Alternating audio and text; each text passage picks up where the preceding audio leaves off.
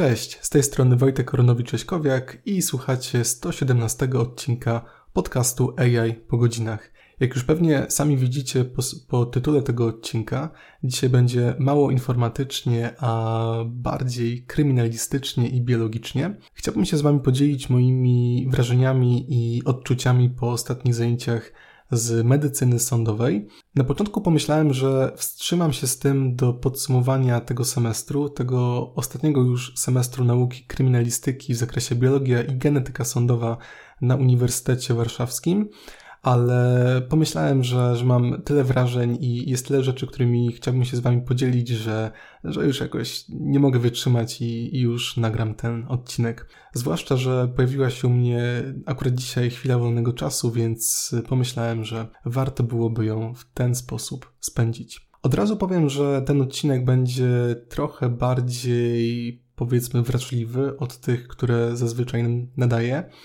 Jeżeli ktoś e, nie lubi takich e, zbyt dużych e, szczegółów, nazwijmy to biologicznych, to myślę, że warto byłoby go przeskoczyć. Natomiast wszystkich innych serdecznie zapraszam do wysłuchania dzisiejszej audycji. Zanim jednak zaczniemy, chciałbym Wam bardzo, bardzo podziękować, dlatego że ostatnio sprawdziłem statystyki, sprawdziłem również liczbę osób, które słuchają mojego podcastu i powiem Wam szczerze, że byłem dosyć zdziwiony, ale w takim oczywiście pozytywnym znaczeniu. Dlatego, że jeżeli chodzi o liczbę użytkowników, które aktywnie słucha mojego podcastu, na Spotify jest to już blisko pół tysiąca osób. To już tak dumnie brzmi, jak można się do tych tysięcy odnieść.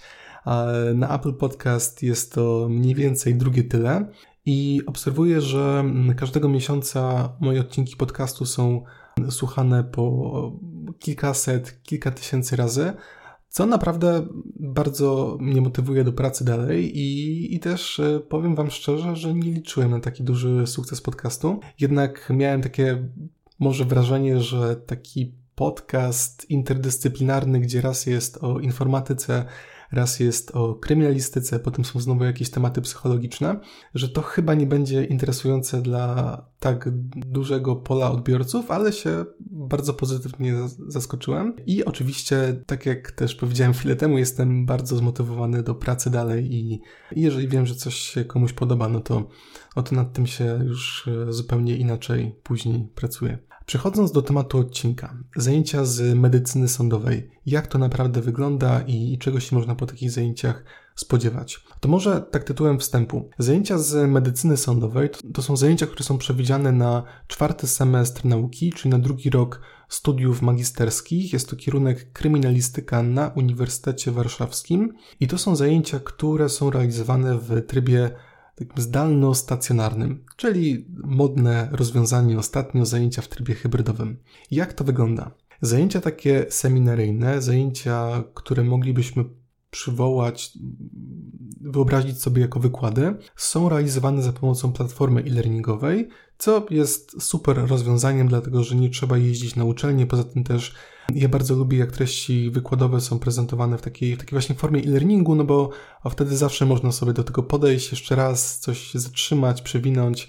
No to jest świetne rozwiązanie. Już takie tradycyjne wykłady to wydaje mi się, że, no, że powinny odejść gdzieś w mroki historii i powinniśmy chyba pójść bardziej w, w kierunku takich e, treści dostępnych przez dłuższy czas. Oczywiście inaczej to wygląda w przypadku ćwiczeń, no, których w e-learningu się, no, może nie tyle, że się nie da zrobić, co jest to dosyć trudne do wykonania, szczególnie jeżeli to jest przedmiot taki jak kryminalistyka albo, albo kierunki społeczne. W każdym razie, żeby nie robić dygresji dotyczącej trybu kształcenia, zajęcia się dzielą na dwie części i zacząłem sobie już słuchać tych e, wykładów.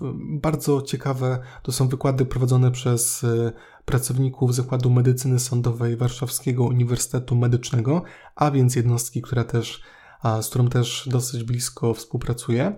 To są przede wszystkim takie treści dotyczące tego, jaki mamy charakter obrażeń, jakie mamy znamiona śmierci, w jaki sposób je rozpoznać, jakie są częste pułapki, które, mm, które przy takiej interpretacji występują. I wiadomo, że osoby, które słuchają tego kursu, nie są po kierunku lekarskim, a więc no, nie można mówić językiem bardzo profesjonalnym, Znaczy, można, ale, ale, ale trzeba też dużo rzeczy przy okazji tłumaczyć. Na pewno się nie można jakoś bardzo odnosić do anatomii, do takiej ogólnej wiedzy fizjologicznej. W podstawowym zakresie oczywiście, ale to też trochę nie chodzi o to, żeby nas nauczyć tego, w jaki sposób pracować jako, jako osoba zajmująca się medycyną sądową. Bardziej chodzi o to, żeby pokazać, jak ta, jaka jest specyfika tej pracy i w jaki sposób oni pracują, na co zwracają uwagę. No bo to jest też w gruncie rzeczy najważniejsze dla takiego kryminalistyka, który potem rzeczywiście pracuje w tym obszarze. I to jest ta część teoretyczna, ale najważniejsze jest to, że do tych zajęć jest również przewidziana część praktyczna. I właśnie na tej części praktycznej chciałbym się dzisiaj skupić. Zajęcia praktyczne są przewidziane dwa. Jestem już po jednych, jeszcze mnie czekają jedne w maju. Są to zajęcia, które są organizowane w Zakładzie Medycyny Sądowej WUM. Zajęcia nie jakieś bardzo długie, bo, bo wydaje mi się, że ostatnim razem tam byliśmy przez około dwie godziny, ale no, to są takie zajęcia, które zapadają w pamięć i które trudno jest później porównać do czegokolwiek innego. Jak to wygląda? Wchodzi się do tego budynku, następnie zostawiamy swoje rzeczy. Jest taki krótki instruktaż przed wejściem na salę, bo trzeba się oczywiście odpowiednio ubrać. Między innymi taka przyłbica na twarz, znana nam swoją drogą wszystkim z okresu epidemii. Maseczka oczywiście, która na sali sekcyjnej bardzo się przydaje. Dalej jednorazowe takie ubranko, które się nakłada na, na swoje ubranie, żeby nie zostać poplamionym czy też pobrudzonym od różnych czynności wykonywanych przy zwłokach. I krótki instruktaż, żeby oczywiście nie robić żadnych zdjęć, nie robić filmów. Znane są anegdoty, gdzie. Czyli nie wydaje mi się, żeby to było akurat w zakładzie medycyny sądowej, ale znam kilka takich anegdot, że ktoś w ramach anatomii na pierwszym roku, na pierwszym roku studiów medycznych, wykonał sobie selfie z, ze zwłokami. Coś, co no, powinno wywoływać naprawdę spory zgrzyt i doprowadziło do tego, że, no, że ta osoba po prostu została usunięta ze studiów. Po prostu władze uczelni wyszły z takiego założenia, że jeżeli ktoś nie ma oporów przed tym, żeby, żeby takie zdjęcia sobie robić, i potem wstawiać je na, na, media społecznościowe, no to to po prostu źle rokuje na przyszłość, z czym też się całkowicie zgadzam. I w każdym razie krótki instruktor, żeby oczywiście też na tej, na tej sali żadnych zdjęć nie wykonywać, po czym wchodzimy razem z prowadzącym, razem z z medykiem sądowym na taką salę. I teraz jak to wygląda? Duża sala, na której, na której są cztery stoły i na każdym z tych stołów leży, leżą zwłoki. I z racji tego, że to jest zakład medycyny sądowej, to też nie jest tak, że, że te sekcje tam są wykonywane bez jakiegoś uzasadnienia. Za każdym razem to prokurator prosi o to, żeby przeprowadzić taką sekcję żeby następnie mm, otworzyć te zwłoki i zweryfikować, jaka była rzeczywista przyczyna zgonu. Więc też te zajęcia dla studentów wyglądają w ten sposób, że się uczestniczy w realnych czynnościach osoby, która jest równocześnie biegłym sądowym. Dla mnie to też było bardzo ciekawe, dlatego że sam wykonując zawód, czy też funkcję biegłego sądowego, bo chyba nie ma czegoś takiego jak, jak zawód, to by trochę było pewnym nadużyciem, żeby tak mówić dla mnie to było bardzo ciekawe, bo to jest ta sama funkcja, ale no, ograniczona do zupełnie innego zakresu czynności. Tak, ja mam, ja w seksuologii zajmuję się całkowicie innymi rzeczami niż, niż taka osoba, która jest biegłym sądowym zakresu medycyny sądowej, oczywiście. Więc krótkie omówienie przypadku, omówienie tego też, z jakiego powodu prokurator prosi o to, żeby takie zwłoki otworzyć, i to jest po prostu krótki opis sprawy w, jakim, e, w jakich okolicznościach te zwłoki zostały odnalezione, co należy zweryfikować, jakie są ewentualne podejrzenia prokuratury.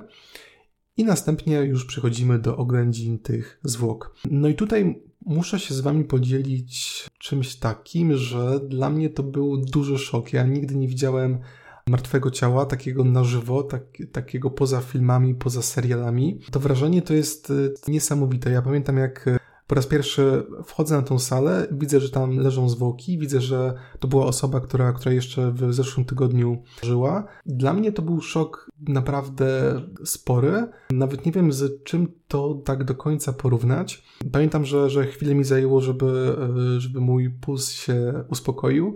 Nawet Apple Watch mi wyrzucił ostrzeżenie, że że moje tętno wzrosło mimo braku aktywności. W chwili potrzebowałem, żeby z tą sytuacją się jakoś zapoznać i tak do niej się trochę to dziwnie brzmi, ale przyzwyczaić. I później już ta część, która się wiąże z oględzinami zwłok i, z, i też z aktywnym słuchaniem tego co, e, tego, co mówi lekarz. Swoją drogą mieliśmy takiego prowadzącego, który mówił tak dobrym językiem, że dało się go zrozumieć i, i, i tak w 100% wiedzieć, co on robi, dlaczego robi, czego szuka.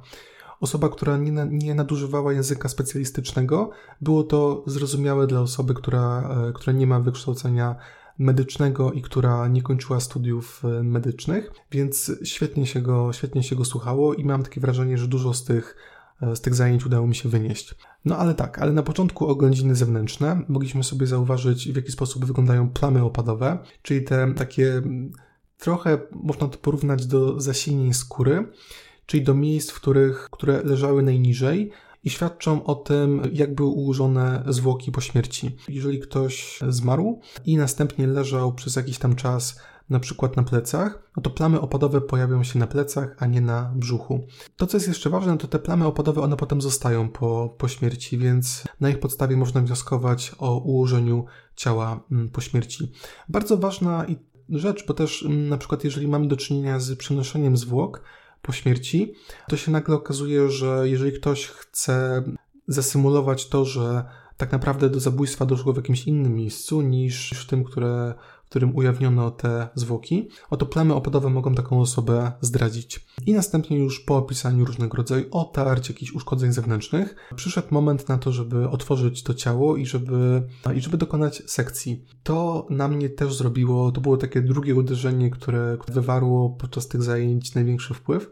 Czyli ten moment po pierwsze ułożenia zwłok na, na brzuchu, następnie dokonanie nacięcia wzdłuż kręgosłupa, sprawdzenie tego, czy, czy nie ma urazów kręgosłupa, czy tam też z racji tego, że mamy do czynienia z plamami opadowymi, żeby też zweryfikować, jak to pod skórą wygląda. Następnie zszycie tych zwłok, ułożenie ich y, tym razem na plecach, no i następnie mm, te wszystkie czynności, które się wiążą z oględzinami narządów wewnętrznych, czyli otworzenie klatki piersiowej, wyciągnięcie wszystkich narządów, sprawdzenie zawartości żołądka, sprawdzenie serca, płuca i tak dalej. Kolejny szok, który przeżyłem, to było to, że z jednej strony szok, ale z kolejnej strony też taki podziw na to, jaką wprawę można mieć w separacji poszczególnych części ludzkiego ciała, się nagle okazuje, że można mieć w jednym kawałku przełyk z językiem i z płucami. Też na mnie pamiętam, że w czasie tych zajęć zrobiło duże wrażenie. Następnie sprawdzenie zawartości przełyku, płuca, przecięcie płuc i tak dalej, i tak. Ustalenie przyczyny zgonu, tak, jeżeli na przykład mamy do czynienia z zawałem, to można, można zweryfikować po przecięciu serca i sprawdzić te części, które najprawdopodobniej nie były dostatecznie ukrwione w czasie, w czasie zawału, więc dużo takich rzeczy, które można zweryfikować. No i w końcu otworzenie również czaszki, wyciągnięcie mózgu, dalej sprawdzenie poszczególnych struktur tego mózgu, łącznie z ich oczywiście przecięciem. Więc to wszystko było. Można było być e, blisko takiej sekcji, znaczy no właściwie tak blisko, jak się, jak się chciało być. Oczywiście były takie osoby, które od tego wszystkiego stały gdzieś tak 5-6 metrów, kawałek dalej, żeby nie podchodzić zbyt blisko. I ja miałem taką okazję, żeby, żeby podejść tak mniej więcej być pół metra od, od, tego, od tego wszystkiego. Mimo tego, że to było dla mnie ciężkie, to jednak wyszedłem z takiego założenia, że że więcej już, e, poza tymi drugimi zajęciami, które jeszcze mnie czekają w maju, że więcej już w ciągu swojego życia nie będę mieć okazji, żeby zobaczyć, jak to, na, jak to naprawdę wygląda i jak wygląda praca takiego medyka sądowego, więc mimo tego tego głosu z tyłu głowy, który mówił mi, żeby, żeby się odsunąć, żeby jednak obserwować to z jakiejś bardziej e, bezpiecznej odległości, bezpiecznej chyba bardziej dla zdrowia psychicznego, bo jeżeli chodzi o jakieś zagrożenia takie fizyczne, no to, no to już żadne, ale jednak starałem się być blisko tego wszystkiego. Taką też rzeczą, która mi zapadła z tego, z tej sekcji, był zapach. No to to jest coś, co, co było bardzo nieprzyjemne, pomimo sprawnie działającej instalacji i, i wentylacji, która w tej sali działała, no to niestety te zapachy, które towarzyszą sekcji, no zresztą trudno się dziwić, no bo to jest ciało, które należało do człowieka, który już nie żyje od kilku dni, więc y, zaczynają się pewne procesy, też otwieranie na przykład żołądka, otwieranie otwieranie jelit, no, no to, to, jest, to, jest, to jest też rzecz oczywista, no ale to jest y, treść żołądkowa, która, która nam sobie od kilku dni w tym ciele siedziała, więc no nic dziwnego, że zapachy są bardzo intensywne i bardzo też nieprzyjemne. Nawet pomimo tej maseczki, pomimo przyłbicy, ciężko się w takiej, w takiej sali oddycha i jestem pełen podziwu dla osób, które, które pracują w ten sposób każdego dnia. Nie wiem, czy to jest coś, do czego można się przyzwyczaić, ale na pewno ci ludzie jakoś muszą funkcjonować, więc siłą rzeczy sobie z tym jakoś radzą. To były pierwsze zajęcia z sekcji, a czekają mi jeszcze drugie. Myślę, że o tych drugich nie będę już nagrywać osobnego odcinka, to już jak będę mówić o tym całym semestrze kryminalistyki, gdzieś w maju, w czerwcu, to pewnie, pewnie jeszcze kilka słów na temat e, tych drugich zajęć sekcyjnych powiem. A jeżeli chodzi o dzisiejszy odcinek, to byłoby to wszystko, co dzisiaj dla Was przygotowałem. Mam nadzieję, że, że odcinek się Wam podobał. Jeżeli tak, to też zapraszam do kontaktu, zapraszam do, do dzielenia się Waszymi komentarzami, opiniami, do subskrypcji podcastu w ramach Spotify oraz na Apple Podcast, do oceny podcastu i tak dalej. Bardzo Wam dziękuję za dziś i słyszymy się być może w kolejnym tygodniu albo za dwa tygodnie. Do usłyszenia, cześć.